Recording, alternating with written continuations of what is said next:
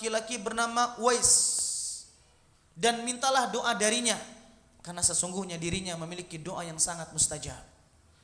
Setiap kali datang penduduk Madinah ke Makkah untuk menunaikan haji, Amirul Mukminin Abi Hafsin Umar bin Khattab selalu bertanya teman-teman sekalian. Ini kita banyak belajar arti tawadu di sini. Kemudian ketika datang Umar bin Khattab bilang gini, "Hal minkum was al-qarni?" Apakah di antara kalian ada yang namanya was al-qarni? Kata penduduk kota Madinah ketika itu yang hijrah ke yang ikut haji ke Makkah, nggak ada. Ketika datang gerombolan dari Yaman ditanya, "Adakah was al-qarni?" nggak ada. Terus seperti itu. Sampai suatu ketika ketika Amirul Mukminin Abi Hafsin Umar bin Khattab bertanya, "Hal minkum was al-qarni?" Kemudian ada orang yang mengangkat, "Ana dia, ya Amirul Mukminin." Saya Amirul Mukminin. Apakah engkau was al-qarni? Iya, ya Amirul Mukminin. Apakah engkau masih memiliki seorang walidah dulu? Ya, saya memiliki seorang ibu yang sudah tua dan sudah meninggal Apakah engkau dulu pernah punya penyakit kulit yang Allah sembuhkan dan kemudian Allah sisakan sebesar logam? Betul ya Amirul Mukminin? Ini bekasnya, masih ada bekasnya. Sisanya masih ada. Ya was al-qarni, sesungguhnya Rasulullah Shallallahu alaihi wasallam memerintahkan kepadaku untuk memintakan doa darimu. Tiba-tiba Was al-Qarni bilang kayak ini. Apalah saya dibandingkan engkau wahai Umar Mukminin? Saya pemuda biasa, Engkau orang yang saleh, untuk apa saya mendoakan kepada mendoakan kepada Allah Subhanahu wa taala? Engkau orang yang memiliki fasih. Nah, di situlah Amirul Mukminin Umar bin Khattab mengatakan ini perintah dari Rasulullah dan saya pun penasaran amalan apa yang menjadikan kamu istimewa. Tidak pernah bertemu dengan Rasulullah tapi Rasul langsung mendapatkan kabar dari Allah bahwa engkau adalah seorang pemuda yang saleh yang memiliki doa mustajab. Barulah Was Al-Qarni bercerita bahwa salah satu di antara amalan utamanya dia berbakti kepada orang tuanya. Uwais Al-Qarni teman-teman sekalian, bukan seperti Imam Bukhari yang pakar hadis, bukan seperti Imam Ahmad, bukan seperti Imam Asy-Syafi'i pakar fikih, bukan seperti Imam Malik yang memiliki kitab Al-Muwatta. Uwais Al-Qarni seorang pemuda yang kaumnya saja tidak mengenalnya tapi namanya sampai ke langit Allah Subhanahu wa taala disebut-sebut oleh malaikat. Sebab apa? Sebab baktinya sama orang tua. Kalau hari ini kita meremehkan bentuk bakti kepada orang tua, kita cium tangan ustad kita peluk ustad kita takzim dan ikram kepada ustad Tapi ketika kita pulang, lisan kita menyakiti orang tua kita. Allah, nggak ada manfaatnya takzim antum sama ustad antum. Nggak ada. Sebab itulah kenapa Allah Subhanahu wa taala menyebutkan dalam surat Isra ayat 23 sampai 24. Apa kata Allah Subhanahu wa taala? A'udzubillahi minasyaitonir rajim.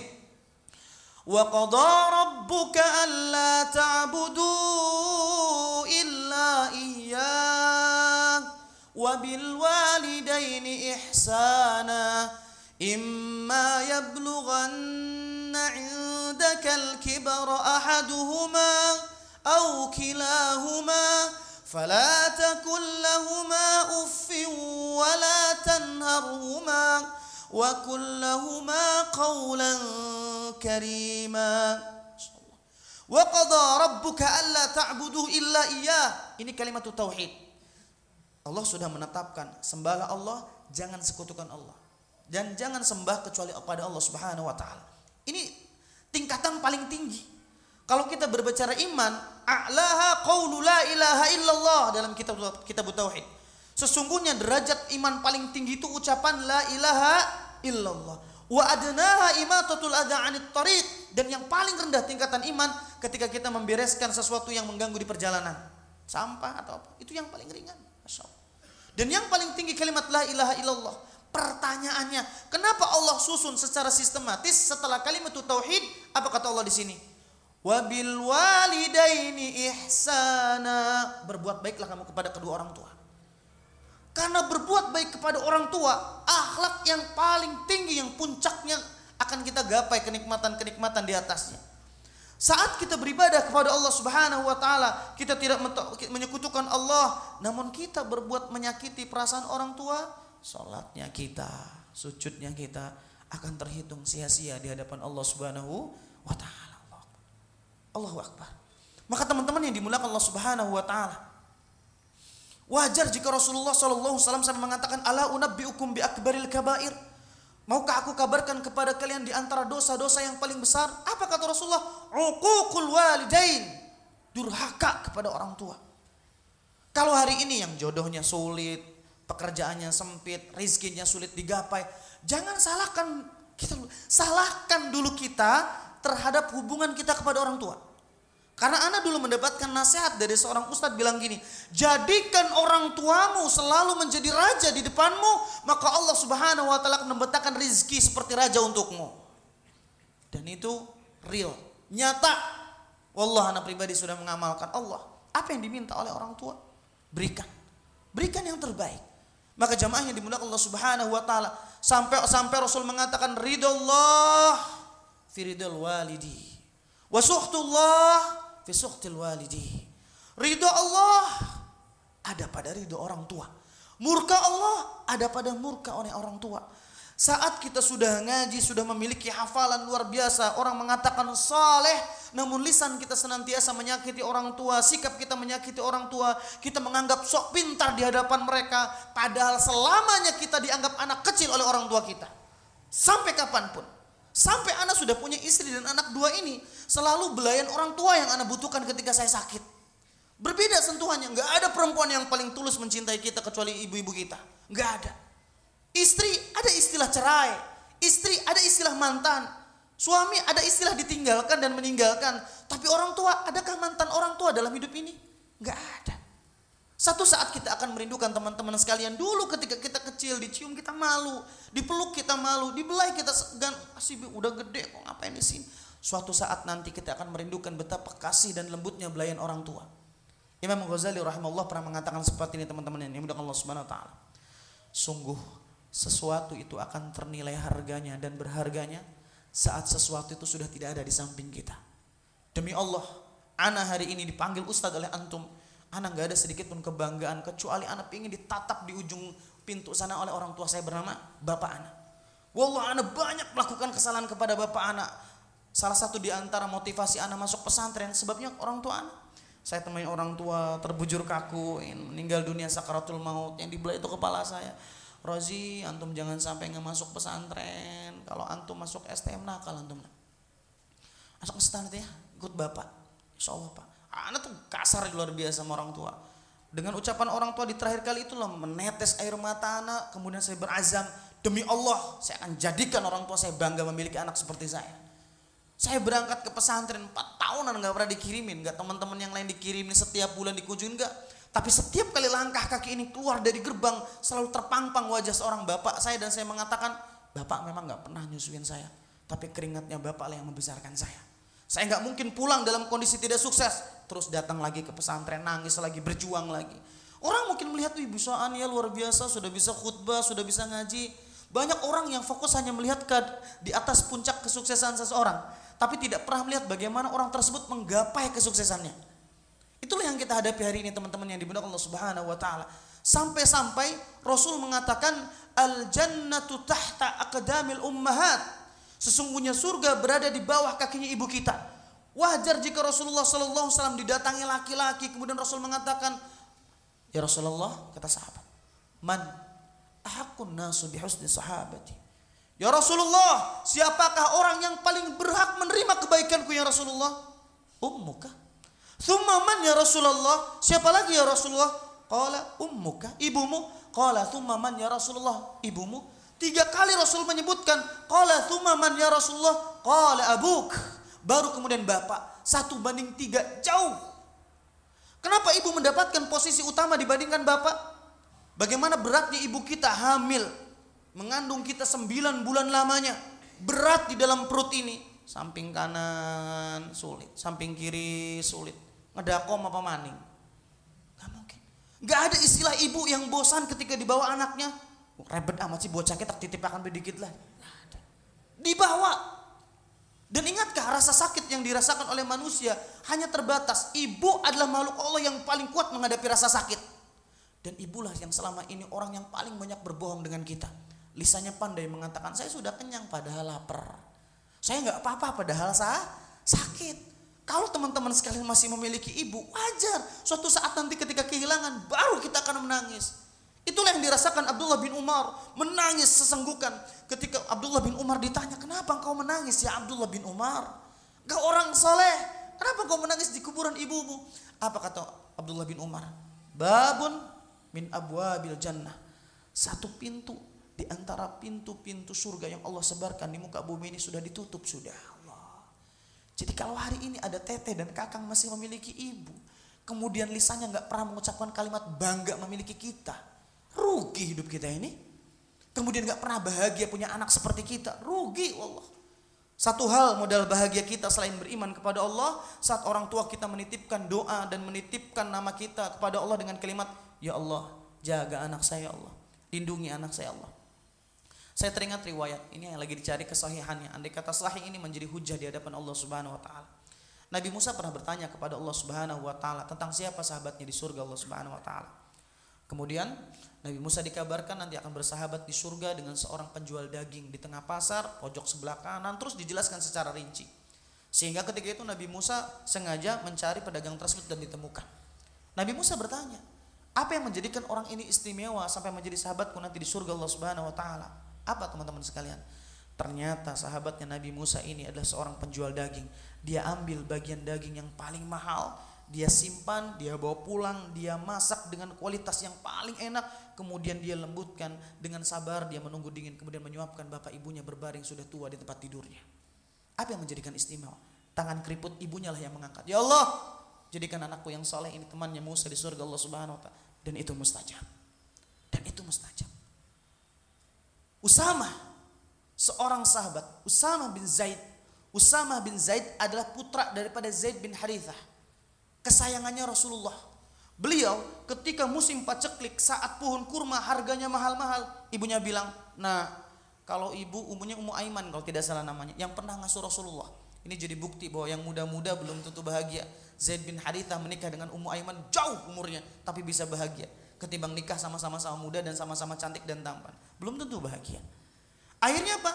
Usama bin Zaid ketika diminta oleh Ummu Aiman. Nah, kalau orang Arab itu paling senang makan apa ya bahasa Indonesia-nya? Kalau bahasa Jermannya itu umbut atau umbut gak? Itu kan gak paham antum ya.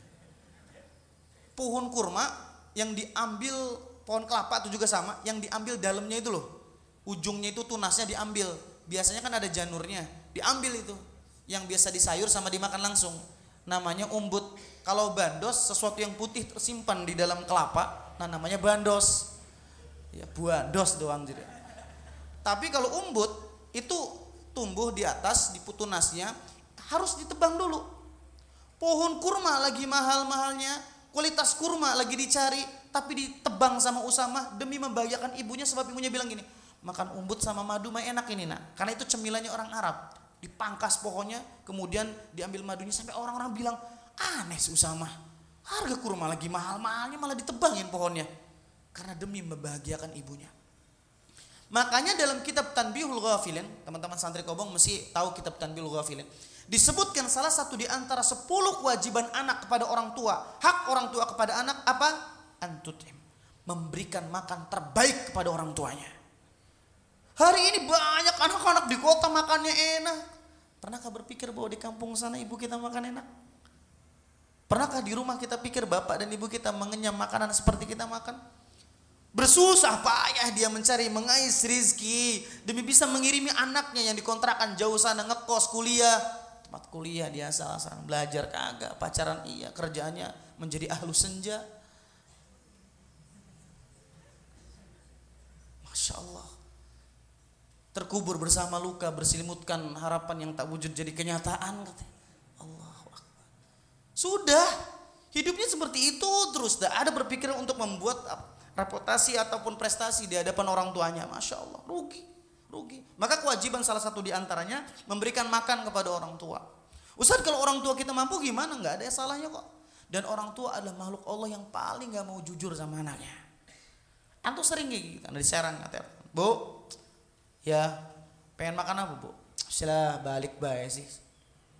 Ngedelang sirah sehat gak ibu mah bahagia. Pulang kan, baru di depan pintu kan. Lur, abu, orang ngegawa apa apa tuh sirah? Cere orang pengen apa apa bu cere kan. Wah bina bina sirah orang peka amat buat. Itu orang tuh bener kan sering kayak gitu. Ditanya, mau bilang udah kenyang, nggak usah bawa apa-apa. Sungguh kedatanganmu di kampung juga membuat bahagia orang tua. Tapi giliran kita nggak apa-apa ya diomongin. wabina-bina anak rabi bedurusi. Nah, makanya kita yang harus peka sebagaimana dulu orang tua kita peka menatap kita di masa kecil dulu. Waktu senja, wah senja lagi kan. Waktu masih kecil nggak pernah orang tua kita pengen apa, pasti tahu ini. Maka makan sesuatu aja orang tua ingat almarhum bapak anak. Makan sesuatu aja yang disenengin anaknya, itu sampai gak kemakan, dikantongin. Saking pengen ngebagian anak, anaknya pernah ada anak anak seperti itu sama orang tuanya. Semangan enak nih Allah, kepikiran orang tua. Tapi izin kita gede traktir manikinnya. Itu orang tua sampai merasakan malu bertahan. Saya emang nggak dimakan lah, dibungkus saja. Ingat anak di rumah tuh. Allahu Akbar. Tapi buat teman-teman antum yang belum punya istri nggak mungkin bisa ngerasain. Nggak mungkin. Tapi kalau antum udah punya istri dan punya anak baru ngerti bagaimana kasihnya orang tua tuh kepada anak. Sebandel-bandel anak kita dicubit orang, nggak terima kita. Makanya buat teman-teman cowok-cowok yang kerjanya ngerusak kehormatan perempuan ini mikir dulu nih. Masya Allah, betapa sakitnya orang tua di sana tuh. Jangan di PHP ini, berikan kepastian ya. Jangan di PHP terus. Maka teman-teman yang dibilang Allah Subhanahu wa taala, itulah yang disebut dengan keutamaan berbakti kepada orang tua. Sampai-sampai Rasulullah SAW mengatakan dalam sebuah hadis didatangi seorang laki-laki. Ja'a rajulun yasta'dzinuhu fil jihadi ma'hu. Faqala ahayun walidaka? Qala na'am. Qala fa fihi mafajahid. Datang laki-laki ngelamar pekerjaan, bukan ngelamar untuk jadi prajurit agar bisa berperang berjalan jalan Allah. Ini amalan wa qimatul wa dirwatus sanami al jihadu fi sabilillah, puncak daripada ibadah. Ngelamar, ya Rasulullah, sertakan aku dalam peperangan ini berjihad. Apa kata Rasulullah di sini mengatakan? Faqala ahayun walidaka? Apakah orang tua masih hidup? Naam, masih katanya. Qala fa fihi ma fajahid. Nah, bersama mereka lah engkau berjihad. Artinya jihadnya berbakti kepada orang tua. Ini jihad, bukan lagi kerja. Bukan lagi ngejar dunia. Betapa banyak orang tua di kampung meninggal dunia, dicekik dengan kerinduan bersama anak-anaknya. Setiap kali mengingatkan, nak pulang sih nak, ibu kangen ini. Aduh bu, project lagi padat-padatnya. Pedagang cilok doang, pada lama lagi sibuk. Kayak nggak bisa ditinggalin aja. Project bahasanya. Lagi tender, lagi banyak-banyaknya. Wadih, Padahal mah jual beli online, apa mana yang sini dol? Allahu Akbar. Ya, ingat, ini jihad. Apalah dengan urusan-urusan dunia ini? Kalau Allah Subhanahu wa taala, kalau kalau orang tua sudah memanggil nak pulang, nggak ada alasan. Pulang gitu. Pulang. Balik nak, ibu kangen. Makanya anak pernah melihat satu uh, tayangan di televisi ketika ada berita tersebar di sosial media juga ada bapak sama ibu yang sudah aki-aki sama nini-nini meninggal dunia berhari-hari di rumahnya tidak ada yang mengetahui. Siapa yang mengetahui? Tetangganya. Kenapa? Karena aroma busuk sudah tercium di antara rumah tetangga. Kok bapak ini nggak keluar-keluar? Ya, biasanya keluar utang rang tongkrong. Ketika diintip dari jendela, apa yang terjadi? Wallah, waliyatubillah. Si bapak sedang duduk seperti ini, mati, kena serangan jantung, membusuk. Si ibu kena stroke, nggak bisa apa-apa, menahan lapar sebab tidak ada yang memberikan minum dan makan, mati kemudian. Anak dituntut dunia akhirat meskipun orang memandang dengan penuh kehormatan, dia berbaju bagus, bermobil mewah, demi Allah di mata Allah hina dia. Gak ada apa-apanya. Apalagi yang dikejar dunia. Pernahkah kita mendengar kisahnya seorang laki-laki bernama Zuraij? Seorang yang disebut kata Rasulullah Sallallahu Alaihi Wasallam sesungguhnya bayi yang masih yang dapat berbicara ada satu bayinya Nabi Nabi Isa. Yang kedua bayi di zamannya Zuraij. Sahabat bertanya, man huwa Zuraij? Siapa itu Zuraij ya Rasulullah? Zuraid adalah seorang rahib, seorang pendeta yang rajin dan taat beribadah. Saat dia beribadah, padahal bukan ibadah yang wajib, ibadah sunnah. Allahu Akbar. Karena masa masa dahulu pun mengenal yang namanya sholat, cuma kaifiah dan tata caranya yang berbeda saja. Dipanggil sama ibunya. Zuraid, ta'ala ya. Ya Zuraid, sini. Zuraid, ibu butuh. Zuraid bertanya dalam hatinya. Solati am ummi? Solat atau ibuku? Ibunya manggil lagi, Zuraij, ta'ala ya Zuraij. Salati am ummi. Ibuku atau salatku. Ternyata dia mengedepankan salatnya, padahal itu bukan salat wajib dan tidak memenuhi panggilan orang tuanya. Apa kata ibunya? Ya Allah, khususui Zuraij. Dia berada di kandunganku selama 9 bulan. Kudidik dia sampai besar. Kupanggil dia, dia tidak mau datang. Ya Allah, jangan wafatkan anakku Zuraij sampai dia nanti ditatap oleh mata-mata pelacur di luar sana. Apa yang terjadi? Ketika dia tumbuh besar menjadi orang tua, dia beribadah kepada Allah Subhanahu wa taala, ada sekumpulan anak muda yang hasad kepada Zurej. Nah biasanya di luar sana itu kan kalau ada laki-laki yang soleh atau perempuan yang soleh kan biasanya teman-teman iseng ya. Coba bocahku dites soleh tau orang coba sebenarnya. Tukakan botol, tukakan botol aja. Traktir, traktir, traktir. Kan biasa gitu. Ternyata di zaman dulu ada. Ketika ada laki-laki soleh semacam Zurej, dites sama teman-temannya. Dengan cara apa? Di booking satu PSK seorang pelacur yang paling cantik kemudian diberangkatkan untuk menggoda Zurej. Tuh, si perempuan sudah kayak film anak Honda, mutar-mutar, mutar-mutar kayak gitu. Mencoba menggoda Zurej, tapi Zurej tetap khusyuk dalam sujud dan rukunya. Apa yang terjadi? Marah kan? Gengsi. Saya sudah coba menggoda, ternyata godaan saya tidak tidak berhasil. Masya Allah perempuan kalau sudah menjatuhkan harga di hadapan laki-laki, si laki-laki tetap jaim dan stay cool, Uy, stay cool, itu pasti perempuan itu harga dirinya ambruk. Akhi, ta'ala ya akhi, afan ukhti, ini akhwafullah. Bus. Anak batur, soalnya anak batur. Hari laka batur mah ini kesempatan. Masya Allah. Digoda, tetap tahan dia.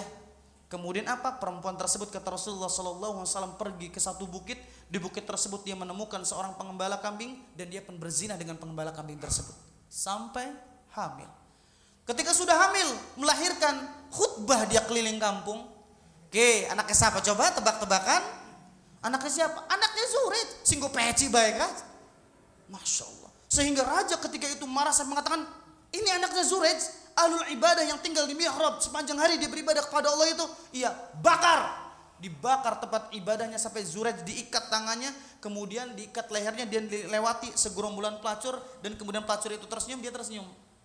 Setelah tersenyum di bawah, kemudian Zurej mengatakan, atas tuduhan apa aku diperlakukan seperti ini? Zurej, apakah benar ini anak kamu? Hasil zina kamu dengan pelacur tadi? Kata Zurej, wahai ya Malik, wahai Raja, tolong datangkan anak itu ke sini. Didatangin. Dengan izin Allah Subhanahu wa taala Zuraj menekan lambung si anak tersebut. Kul man abuk.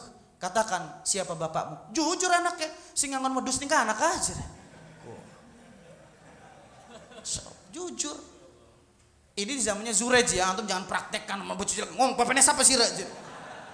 Bila barang jawab, lah sira aja kan gua. Masya Allah, man abu, katakan siapa bapakmu? Dia katakan, bapak saya adalah pengembala kambing di bukit sana. Sang raja pun begitu malu kemudian sang raja bilang gini, Ya Zurej, eh, maukah aku dirikan kembali tempat beribadahmu yang terbuat dari emas? Gak usah. Terbuat dari perak? Gak usah. Bangunkan seperti sedia kala saya sudah cukup. Tersenyum setelah itu Zurej. Orang-orang bingung, eh diuji ngekek bocakin. Kenapa engkau tersenyum? Saya teringat dulu ibuku mengutukku. Kenapa? Demi Allah semua ini hasil doa daripada ibuku karena dulu ketika aku beribadah, aku enggan mendatanginya dan ibuku mengucapkan kalimat yang seperti ini terjadi. Allahu Akbar. Ucapannya seorang ibu.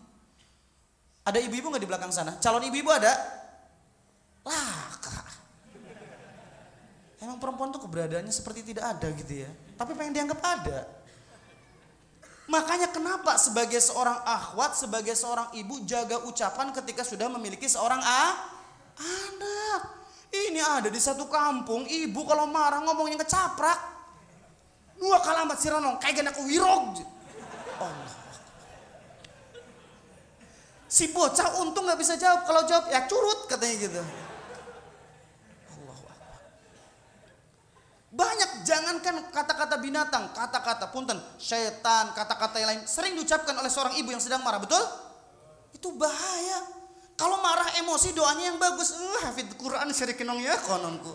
Kan bagus. Jadi Abdurrahman bin Auf sirajar kon. Sambil ditekek sambil meces kononku. Ini jangan sampai doa dari lisan seorang ibu, doa-doa keburukan. Anak wirog lah. Anak curut, anak kucing. Lah terus hari ibu nih, eh, hari anaknya wirog, ibu nih apa kan? Bapaknya kesinggung, curut tak kita nejer. Ini yang sering terjadi. Maka teman-teman yang dimulakan Allah Subhanahu wa taala, kita tahu ya, lisan seorang ibu itu luar biasa. Jangan sampai lisan kita sembarangan. Ustaz, bagaimana dengan kita yang sudah tidak memiliki seorang ibu, Ustaz? Berbakti kepada siapa? Kalau kita masih punya bibi dari jalur ibu, maka itu menggantikan posisi ibu. Kata Rasulullah SAW, Al-khalah, khalah itu bibi dari kalangan ibu, itu bimang zilatil um, seperti kedudukannya seorang ibu bagi kita. Maka kalau hari ini kita kehilangan ibu, muliakan adik atau kakaknya ibu. Muliakan. Itu bagian daripada biru waliden kita. Maka teman-teman yang dimuliakan Allah Subhanahu wa taala. Kalau kita sudah tahu betapa luar biasanya ancaman orang-orang yang durhaka kepada orang tua. Sampai-sampai Rasul mengatakan la yadkhulul jannah aqun wala mukadzibun biqadar. Tidak akan masuk surga orang yang durhaka kepada kedua orang tua dan orang yang berdustakan takdir. La yadkhulul jannah aqun. Tidak masuk surga orang-orang yang mendurhakai orang tuanya. Jadi kalau hari ini yang kesuksesannya terhambat, tolong ingat-ingat hubungannya dengan dengan orang tuanya. Jangan-jangan ada ibu kita yang belum ridho, ada bapak kita yang belum ridho, sampai kita mendapatkan ridho dari kedua orang tua kita. Termasuk belajar kita kok masih bebel Ustaz ngapal ku guati kita Ustaz. Tarik ngapalkan picis mau nomor akhwat cepat biasanya Ustaz. Hati-hati ini boleh jadi ada problem dalam diri kita dan hubungan kita kepada orang tua kita. Tapi kalau orang tua sudah mengecap ridho, maka masya Allah kita sudah punya setengah modal untuk sukses dunia akhirat. Kalau orang tua sudah ridho. Apalagi kalau urusan makan tadi dihalang-halangi teman-teman yang sudah memiliki istri. Ini yang sering jadi kasusnya. Ustadz, saya itu sering banget pengen berbaik berbak, berbakti kepada kedua orang tua Cuma sering masalahnya istri saya itu sering kadang-kadang marah kalau saya berbuat baik kepada orang tua. Ada kasusnya seperti ini. Sehingga ketika saya itu membeli jeruk-jeruk jeruk misalkan dibawa sama istri saya, disortir Ustadz sama istri saya. Kisah bagus-bagus gak kena kita. Sing kengkot-kengkot kayak busuk kesuk ini wong tua Jadi wong tua musab busuk lah jadi. Hati-hati. Orang tua tuh harus diberikan yang terbaik daripada yang kita makan daripada istri kita makan. Makanya kenapa Rasulullah SAW mengatakan anta wa maluka li ummika wa abik. Dirimu, hartamu itu milik bapak dan ibumu. Ibu yang harus mendapatkan dahulu kebaikan yang kita dapatkan ini. Bapak yang harus merasakan dulu, jangan orang lain dulu. Makanya kalau hari ini ada yang menganggap dirinya lebih hebat daripada kedua orang tuanya, istighfar banyak-banyak karena nggak mungkin kita merasakan nikmat ini kecuali atas wasilah juga orang tua. Orang tua, coba. Jadi pribadi-pribadi yang sudah duduk di majelis ilmu adalah pribadi yang lembut hatinya kepada orang tuanya Masya Allah tutur katanya dijaga teman-teman pengen tahu bagaimana akhlaknya para salaf berbakti kepada orang tua Al-Imam Ibnu Sirin rahimahullah Muhammad Ibnu Sirin rahimahullah itu kalau sudah dekat sama orang tuanya dipanggil sama temannya Assalamualaikum Muhammad Ibnu Sirin Muhammad Ibnu Sirin diem ketika keluar ada apa denganmu tadi saya panggil kok suaranya lirih saya bukan nggak mau jawab, saya sudah jawab, cuma saya pelan. Kenapa? Sebab ada orang tuaku di sampingku. Subhanallah. Betapa banyak anak hari ini yang dipanggil orang tua ngueng kayaknya luar biasa. Nong tolong tuku terasi sumeh. Anak milenial, anak milenial jitu terasi. Kuota ge kuota. Gusti jadi kita bocahkin. Wah oh, kan plastik mesak ya. Uh luar biasa nadanya lebih tinggi. Wong kadang-kadang ketulusan seorang ibu mendidik anak juga terpengaruhi. Kalau anak orang-orang Jawa itu kan kalau dipanggil nang, dalam kan adem gitu ya. Kalau orang Serang dipanggil nong, kulan, gitu ya. Ini ada dipanggil nong, moh. Berhenti deleng orang disusuni ibu nih bengene, disusuni sapi. Pantesan ngomongnya moh. Allahu Akbar. Tapi beda, orang tua dulu pernah nggak ngeliat anaknya belekan sampai rela ibunya jilatin kotorannya. Pernah kan? Ya anak 90-an mana anak 90-an? Mana anak 90-an sini ya. Itu sampai segitu korengan, saking takut ngelukai, dijilat sama ibu. Anak pernah ngeliat langsung dan pernah ngerasain langsung. Hari ini ada orang tua yang kayak gitu, jarang. Anaknya gering, udah gelati paracetamol, nulis status. Guys, tolong minta doanya guys. Senep bejer gitu. Allah Akbar. Anak mah kejeng, step. Tuh kan guys, anak saya mulai panas. tolong like, share dan komennya katanya gitu. Subscribe karena subscribe itu gratis katanya gitu. Allahu akbar. Anak menjengkeng step. Itu ya kondisinya kayak gitu hari ini. Makanya tidak menyalahkan si anak juga kadang-kadang durhaka itu juga ada orang tua, orang tua yang durhaka.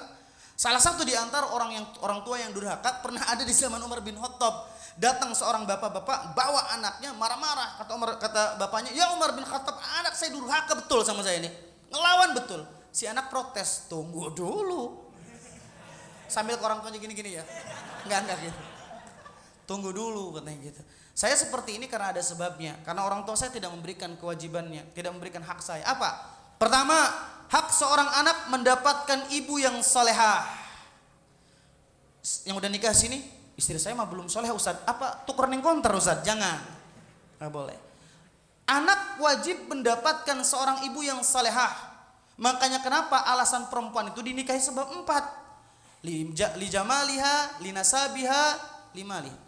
Pertama sebab cantiknya, karena nasabnya, karena hartanya. Tiga inilah yang banyak menjadikan laki-laki buta sehingga melupakan yang keempat. Padahal pokok pilihannya ada yang keempat, lidiniha, agamanya. Fadfar bidati diniha taribat yadak. Pilihlah kamu yang ada agamanya, maka kamu akan selamat dan bahagia. Ini pun sama berlakunya kepada seorang perempuan yang menerima laki-laki. Cari yang tampan nggak masalah. Cari yang hartanya banyak nggak apa-apa. Anaknya ulama bagus. Tapi posisikan yang keempat ini jadi yang pertama. Apa? Cari yang ada agamanya. Fadbar fidati ini taribat yadak. Pilih juga laki-laki yang ada agamanya. Sebab seorang anak itu salah satu di antara haknya mendapatkan pendidikan dari seorang bapak dan ibu yang soleh dan soleha. Ustaz cukuplah, yang penting kan imamnya soleh. Masalah makmum enggak solehah juga gampang lah dididik. Woi anak-anak sekarang yang baru ngaji nih. Yang penting mah cantik Ustaz urusan agama gampang bisa dididik katanya. Widih. Sombong aja cerita bocah kan. Padahal hidayah itu milik Allah. Inna la tahdi man ahbabta walakinna Allah yahdi man yasha kata Allah. Engkau Muhammad tidak berhak untuk memberikan hidayah kepada siapa pun yang kau cintai. Tetapi Allah yang berhak. Allah yang berhak. Jadi jangan sampai kita menganggap ada perempuan chattingan, apalagi sama-sama hobinya ngegame, ketemu akunnya, masya Allah, kayaknya mas soleh ha bocekin. Kayaknya di dokoni kerudung rada gede semet makin wahyu bocekin. Nah, sudah menggampangkan perkara seperti itu, apalagi para akhwat ngeliat laki-laki yang tampan sedikit aja, jenggot sudah masuk hitungan lah. Sedikit dikasih kopi ya, dicoreng hitam nih kan lagi, cocok. Sehingga menggampangkan akhirnya ketika sudah nikah baru aibnya terbongkar. Ternyata mendidik seseorang itu nggak semudah membalikan telapak tangan Ustadz nangis nangis kan? Ustadz ngomong kayak gitu? Ya karena pengalaman didatangi orang seperti itu. Nangis nangis ikhwan nangis nangis ya Allah ya Allah suara bisa ngomongkan lah resep aja kita melo amat bocah kan pertama sebelum nikah ngomongin hei antum itu sedang buta matanya sedang tuli telinganya Minta sama Allah yang terbaik. Tuh kan, Ustaz aja nggak ngizinin kan katanya. Bukan masalah status janda atau perawannya, lihat backgroundnya. Lihat backgroundnya, dia ya Allah secara nasab nggak ketahuan dia pernah kayak gini pernah gini tolong cari yang terbaik antum masih dapat yang terbaik ah antum nggak setuju kan? Anak setuju nggak setuju tetap hak itu punya antum. Eh tanpa sepengetahuan anak nikah orang tersebut. Akhirnya anda datang ke pernikahannya. Satu bulan aman dua bulan aman. Ketika baru hamil anak pertama dia diinjak injak oleh istrinya. Datang nangis bener lur wong kono ngomong ngaken kan? Huh si merasa kita dihargai sebagai laki-laki. Lo wis gelatih sing mana gelatih sing lain mana wong wis demen jeng kita primen. Ya udah buah si malakama buah si malakama kalau kita nggak kuat untuk mendidiknya lepaskan. Karena tidak semua hal dalam hidup ini kita harus wajib kita miliki. Lepaskan. Beban ini terlalu berat. Lepaskan dan ikhlaskan. Sejauh apa pun dia melangkah kalau dia memang jodoh kita mesti langkahnya akan menunjukkan jalan pulang buat kita. Gitu. Maka teman-teman yang di belakang Allah Subhanahu wa taala, ini ancaman dari Rasulullah SAW mengatakan la yadkhulul jannah akun. Tidak masuk surga orang-orang yang mendurhakai orang tuanya. Nauzubillah min dalik. Bahkan kalau kita melihat di sini bukan hanya tidak dimasukkan ke dalam surga, tetapi Rasul mengatakan la'anallahul aqali walidihi. Dilaknat sama Allah. Dilaknat sama Allah Subhanahu wa taala. Sedangkan ingat la yazzi waladun walidan illa ayyajidahu mamlukan fayashtarihu fayatiqahu. Seorang anak tidak akan bisa membalas jasa kedua orang tuanya kecuali dia diposisikan orang tuanya jadi budak kemudian dia menebusnya baru bisa kebalas. Posisinya kapan kita menemukan posisi seperti itu? Sulit gitu. Makanya di sini disebutkan oleh Rasulullah Shallallahu alaihi wasallam dengan kalimat kullu dzunub yuakhirullahu minha ma ila semua dosa itu nanti diakhirkan oleh Allah Subhanahu wa taala balasannya. Balasannya. Tetapi ngerinya di sini Rasul membuat pengecualian illa uququl walidain kecuali orang yang mendurhakai orang tuanya bisa di dunia dia langsung disegerakan. Kalau dosa zina misalkan mungkin bisa disimpan sama Allah. Dosa mencuri bisa disimpan sama Allah Subhanahu Tapi kalau dosa berhaka kepada orang tua disegerakan sama Allah Subhanahu wa taala baik di dunia ataupun di akhirat. Makanya sering saya sampaikan Jangan takut usia 40 tahun ke atas ketika kita memiliki anak seperti apa ya Ustaz nasib kita? Nasib kita itu tergantung masa hari ini kita lewati. Kalau kita mencintai orang tua kita tulus, luar biasa bakti sama orang tua, dengan izin Allah ketika kita memiliki anak pun dia pun akan mencintai dan akan memuliakan kita. Karena Islam mengajarkan al jazau min jinsil amal. Balasan sesuai dengan jenis amal perbuatan. Kita baik sama orang tua nggak usah ragu. Nanti ketika kita punya anak, ketika kita punya cucu, dia pun akan baik sama kita. Dan itu hal yang dijanjikan oleh Allah dan Rasulnya. Jangan takut. Tetapi kalau hari ini, Masya Allah, ada ya, anak tuh ngurus di pesantren di daerah Anyer ya. Anak pernah lewat satu rumah di samping pesantren itu. Saya juga bingung ketika lewat, kayak rumah ini nggak ada yang nempatin kata anak. Tanya sama santriwati gitu, teh di sini ada orangnya nggak sih teh? Ada pak Ustad, nenek-nenek Pas dilihat ternyata nenek-nenek udah putih. Dia punten, Afan, dia keluarin kotoran di situ, dia keluarin segala-galanya di situ. Dia nggak bisa mandi, nggak ada yang ngambilin air. Saya bertanya, dia sebatang kara betul Ustaz. Dia nggak punya anak. Anaknya banyak Ustaz. Emang siapa? Ustaz tahu di seberang rumah sana ada rumah megah Pak Haji Fulan itu anaknya innalillahi wa inna yang punya bisnis di depan itu laundry itu Iya itu. Yang punya mobil yang mewah itu anaknya. Allahu Akbar. Terus prestasinya di mana? Satu sisi saya ibang lihat nenek-nenek tersebut. Akhirnya saya jadwalkan aja. Teteh tolong buat jadwal setiap menu makanan di pondok kirim ke nenek tersebut. Bisa bersihkan, bersihkan. Insya Allah Ustaz. Akhirnya si teteh-teteh yang kelas SMA giliran ketika nenek bilang, Neng, nenek minta ditemenin. Anak-anak santriwati anak yang nemenin. Terus gitu. Anaknya nggak ada yang jenguk, bayangkan. Padahal ya aja kalau luar kota masih sekampung, masih sekampung. Dan jangan takut kalau jangan jangan uh, lupa kalau suatu saat nanti nenek tersebut akan berbalas juga dengan anaknya yang memperlakukan tadi. Sama. Pernah kan ngelihat ada seorang bapak-bapak sama ibu-ibu sama anaknya, tiba-tiba dia mengambil makanan kemudian menyisihkan dengan makanan ala kadarnya menaruh di pojokan di sana. Ketika si anak tersebut membuat sejenis rumah, kemudian rumah yang kecil disampingkan sama bapak tanya ini rumah buat siapa? Kecil banget. Itu rumah buat bapak sama ibu. Dari situlah mulai dia tersentuh. Ternyata si anak itu di bawah alam sadarnya dia memahami oh seperti inilah memuliakan orang tua. Tapi kalau kita baik sama orang tua hari ini jangan diajarin. Anak kita pasti akan mencerna. Pasti akan mencerna. Oh Subhanallah. Makanya kalau hari ini teteh-teteh dianugerahi punya suami yang taat betul sama bapak dan ibunya, selagi tidak bermaksiat kepada Allah dan dia pun adil secara prioritasnya, masya Allah, secara proporsionalnya, insya Allah itu suami yang baik, suami yang baik. Ini jangan sampai ada kasusnya seorang istri yang malah menjadi batu penghalang, batu sandungan buat sang suami untuk berbakti kepada orang tua. Hati-hati. Saya sering sampaikan ke istri anak, heh, hati-hati Jangan sampai ibu saya ngomong pilih ibu atau pilih istri kamu. Sebab kamu tahu jawabannya seperti apa. Bagiku ada istilah mantan istri, tapi bagiku tidak ada mantan ibu dalam hidupku. Maka jadikan cintamu kepadaku seperti kamu mencintai orang tuaku. Kamu cinta sama orang tuaku, aku pun otomatis mencintaimu. Pasti, otomatis mencintaimu insya Allah. Nah, di situlah mulai kita buat semacam Hadis Rasulullah mengatakan tahadu tahabu, saling ngasih hadiah. Istri kalau punya rezeki kasih hadiah ke ibu. Ibu pun kita ajar ibu, ini tolong kasihkan ke istri padahal hadiahnya dari kita, cuma melalui tangan ibu. Nah, ibu subhanallah, respeknya akan tumbuh. Tumbuh. Sang menantu akan merasa dihargai, ya, sang orang tua pun merasa dicintai. Nah, seperti itu. Dan membangun komitmen seperti itu antum akan merasakan nanti ketika sudah berkeluarga. Ada saatnya ibu itu diposisikan seperti madu dalam hidup kita. Kayak adik madu kita sayang sama istri, ibu kita cembu, cemburu. Anak ngajukan proposal nikah di usia 23 tahun, itu yang paling cemburu itu ibu. Ibu menungguin kamu lulus aliyah, kuliah, bisa berpenghasilan nyenengin ibu, ya belum apa-apa udah mau nikah aja udah diambil orang. Tuh ibu ngomongnya kayak gitu.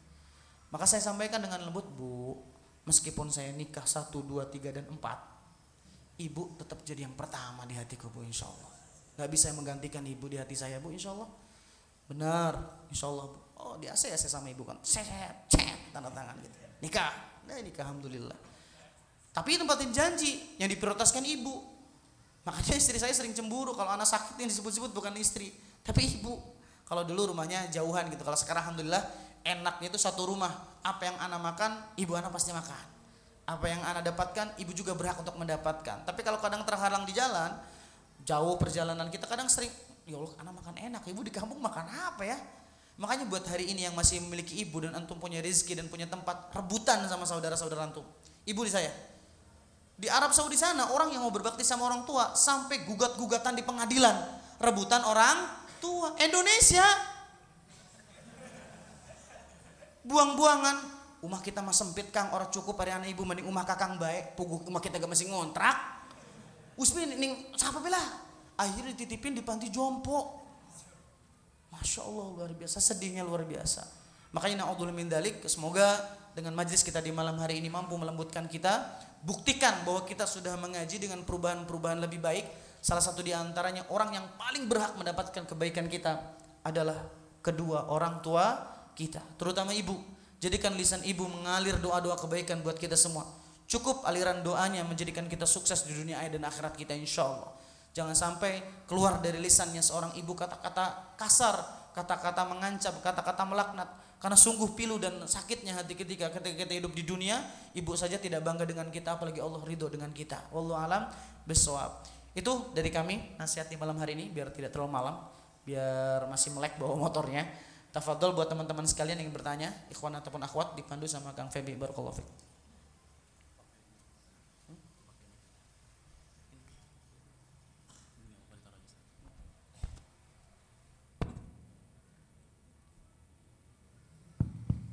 Uh, ya alhamdulillahirobbilalamin. Uh, tadi sudah sedikit uh, pembahasan dari kitab Al-Kabair perihal durhaka terhadap orang tua.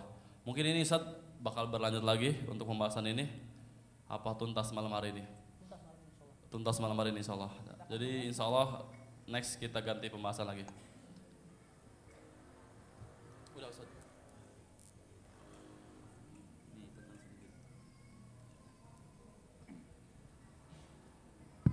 Untuk pembahasan minggu depan insya Allah Kalau Allah berikan kesempatan buat kita Teman-teman masih semangat ngaji nggak? Masih nggak ada modus kan nggak ada niatan yang lain gitu kan nggak ada tapi lihat mukanya jujur banget lah insya Allah di sini jujur nyari akhwat Insya Allah pembahasan kita di minggu depan berkaitan dengan masalah dosa besar yang ketujuh tentang masalah riba. Ini lumayan pelik nih masalah riba ini ya, sulit rasanya nih. E, tapi insya Allah kita akan bahas e, semampu anak di sini. Jika banyak kekurangan mohon diislah dan diperbaiki. Karena masalah riba ini masalah yang sangat sensitif karena banyak kaum muslimin yang masih e, terjebur dalam dosa seperti ini. Dan kita harus yakini pahit atau manisnya dalam sebuah kajian kita harus telan. Karena ini kebaikan. Jangan sampai teman-teman yang kalau bahasanya cinta wuh datang penuh. Tapi kalau udah bahasan kitab-kitab yang lain uh ngebosenakan. Kuan-kuan lah. Cari jangan ya. Kita akan nggak nggak akan naik step levelnya kalau ngajinya seperti itu terus. Insya Allah kita akan mas, uh, akan bahas tentang masalah riba. Teman-teman siapkan pertanyaan-pertanyaan yang di minggu depan berkaitan dengan masalah riba. Kalau Anda bisa jawab minggu itu, saya jawab. Kalau nggak bisa, saya akan bawa pulang untuk menjadi PR saya untuk terus belajar dan belajar. Allah alam bisawab. Ya, uh, baik. Uh, tadi sudah disampaikan dari Ana uh, perihal kajian kitab Al-Kabar ini bakal terus runut gitu ya, teman-teman. Jadi buat teman-teman yang memang sudah ngikut banget dari awal pembahasan ini, uh, tolong istiqomah gitu. Jadi jangan sampai di setiap pekannya antum-antum ada absen karena memang sayang banget gitu kalau memang antum-antum ketinggalan materi yang disampaikan Ustadz ya itu nggak bisa antum catat nanti kan. Uh, baik insya Allah selanjutnya kita akan buka sesi tanya jawab. Silakan buat teman-teman yang sudah mungkin ada pertanyaan yang sudah dipersiapkan dari awal kajian. Buat TTTT yang ada di belakang silakan langsung aja ditulis di kertas langsung dioper ke depan. Insya Allah nanti ada bakal panitia yang standby buat ngambil pertanyaannya. Sambil nunggu dari pertanyaan teteh-teteh silakan dari Ikhwan yang ingin bertanya perihal tafadol ada berapa lagi? Dua. Terus? Ada lagi? Tiga. Mungkin dicukupkan dulu nanti sambil menunggu teman-teman yang lain yang ingin bertanya. Silakan uh, buat teman-teman Ikhwan disebut namanya ya kan? Alamatnya usianya mungkin Ustaz ya. Siapa tahu bisa dikeker gitu. Silakan buat Ahi Anto dulu mungkin tafadol eh, Bismillahirrahmanirrahim Assalamualaikum warahmatullahi wabarakatuh Uh, Ustaz, nama Anto dari Serang, itu cerita. Status, status, status. Status single. Single. Ada rencana nikah? Insya Allah bulan depan. Alhamdulillah. Afan ya, akhwat ya. Bulan depan nikah insya Allah. Uh, Ustadz ada dua pertanyaan terkait berbakti pada orang tua dan berbakti pada orang tua. Ya. Yang pertama bagaimana cara kami para laki-laki tetap berbakti kepada orang tua dan tidak meninggalkan kewajiban kami akan menjadi seorang ayah dan seorang suami bagi istri dan anak-anak kita kelak. Yang kedua, bagaimana kami para laki-laki mendidik istri kami agar istri kami mencintai lillah karena Allah karena sepengalaman se, se ilmu yang saya punya sedikitnya kalau cinta karena makhluk tampan cantik harta bakal habis insya Allah kalau emang cintanya karena Allah itu long last sampai mati insya Allah dan kita juga buat beribadah beramal soleh istri bakal mendukung mendukung saja. Terima kasih Ustaz. Assalamualaikum warahmatullahi wabarakatuh. Waalaikumsalam warahmatullahi wabarakatuh. Pertanyaan cukup menarik. Pertama pertanyaan tentang masalah bagaimana kita bisa berbakti kepada orang tua e, di tengah-tengah status kita menjadi seorang suami dan menjadi seorang e, ayah lah buat anak-anak kita.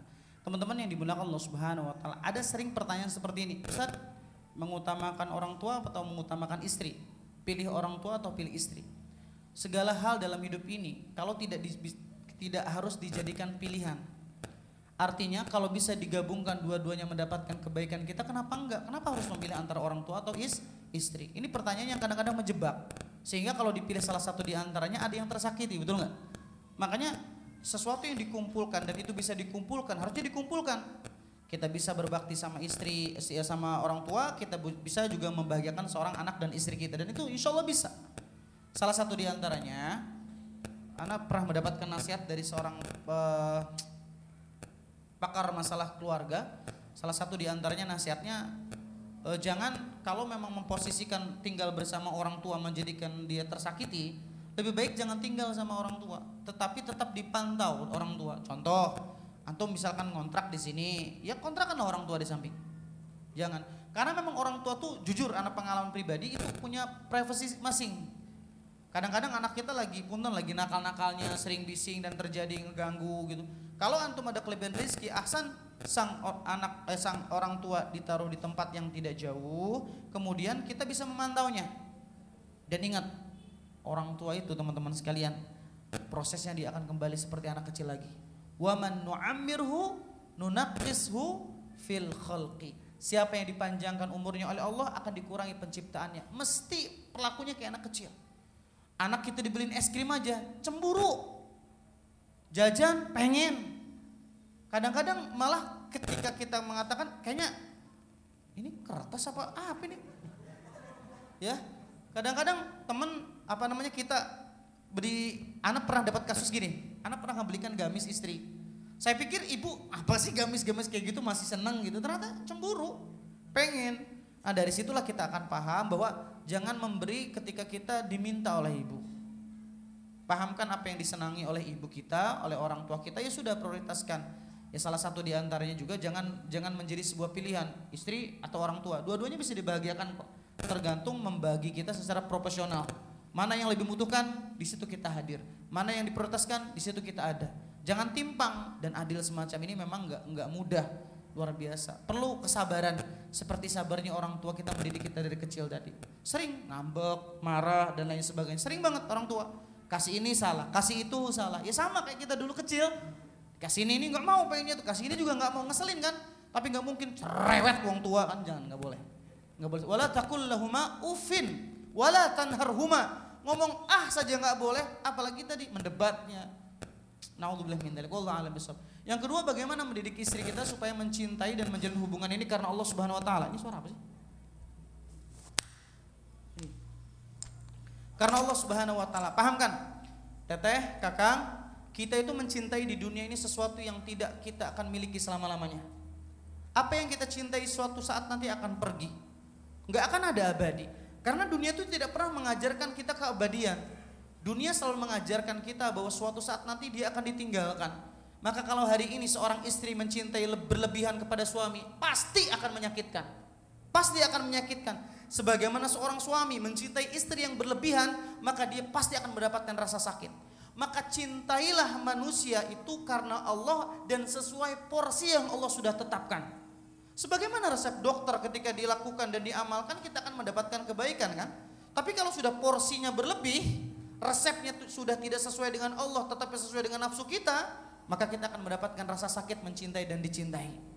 Pahamkan, Umi, Neng, suatu saat nanti saya akan pergi. Kamu hanya boleh mencintai saya ketika mencintai saya mendapatkan ridho Allah. Kalau saya sudah bermaksiat kepada Allah, saya sudah khianati pernikahan ini, saya sudah misalkan keluar daripada agama, kamu wajib membenci saya. Sebagaimana saya, saya pun tidak selama-lamanya mencintai kamu buta, sehingga ketika kamu bermaksiat, saya membenarkan, kamu salah mengiyakan. Suatu saat cinta kita akan dipisahkan dengan dua hal, satu kemaksiatan atau ketentuan Allah Subhanahu wa taala. Makanya ijtama alaihi wa tafarraqa alaihi. Berkumpulnya karena Allah, andai kata kita berpisah, kita harus berpisah karena Allah Subhanahu wa taala. Jadi jangan sampai seorang istri itu menggebu seolah-olah suami itu 100% dia miliki. Ketika ada panggilan dakwah, ketika ada panggilan ini, ketika ngerasa terbagi. Padahal kita tahu suami kita itu kalau memang dia saleh, dia sudah mewakafkan dirinya di jalan Allah Subhanahu wa taala. Fitrahnya seorang laki-laki berada di luar rumah, ketika dia di dalam rumah terus stres ujung-ujungnya. Stres. Biarkanlah dia keluar, yang penting catatannya masih dalam koridor syariat, masih belum bermaksiat kepada Allah Subhanahu wa taala. Jadi ketika adanya perpisahan itu biar kita tahu pertemuan itu begitu indah dan menghargai sebuah pertemuan. Jadi kalau kita biasa berpisah, dakwah dan lain sebagainya, ketika quality time itu bener-bener kerasa. Beda-beda sama tiap hari ketemu aja. Ih bosan kita kerabi gini aja deh. Kon konon bae sih begini. Tapi kalau ter, antum dakwah, antum kerja dan lain sebagainya. Itu nanti insya Allah ketika ketemu tuh rindunya luar biasa. Dan di saat itulah kita akan mengatakan jadikan setiap pertemuan kita itu begitu berharga agar ketika kita nanti mendapatkan perpisahan setidaknya kita tidak menyesal bahwa kita pernah membahagiakan orang-orang yang kita cintai Allah alam bisawab.